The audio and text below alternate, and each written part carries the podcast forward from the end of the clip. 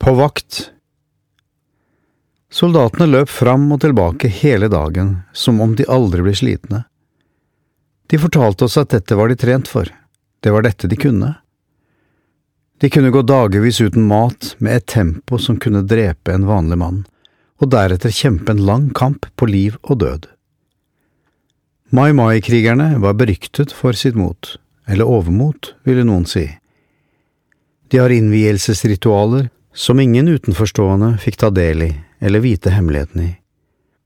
De spiser dawa, medisiner, før de skal ut i krigen, og en sann kriger skal blant annet ikke spise spesielle matsorter eller ha sex før en kamp.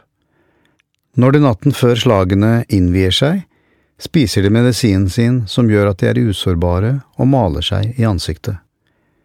En sann kriger tåler minst 50 skudd før han dør, skrøt de til oss. Vi er udødelige Derfor står vi oppreist i kamp. Vi kryper aldri mot fienden, men går rett på.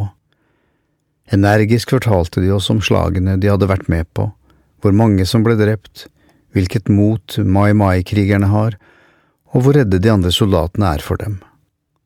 Og de har rett. Hvem vil ikke være redde for noen som tror og oppfører seg som om de er udødelige? En av soldatene kom løpende tilbake mot følget og ba oss være stille. Like borti skogen her, der stien deler seg, støtte vi på fiendtlige soldater for noen dager siden, fortalte han, så vi kan ikke ta noen sjanser. Stille snirklet følget seg videre, uten et ord, med vaktsomme soldater som studerte skogen og fuglenes bevegelser.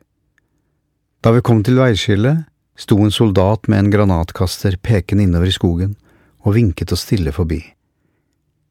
Vi var foreløpig i sikkerhet, men den sitrende spenningen hadde vært fascinerende.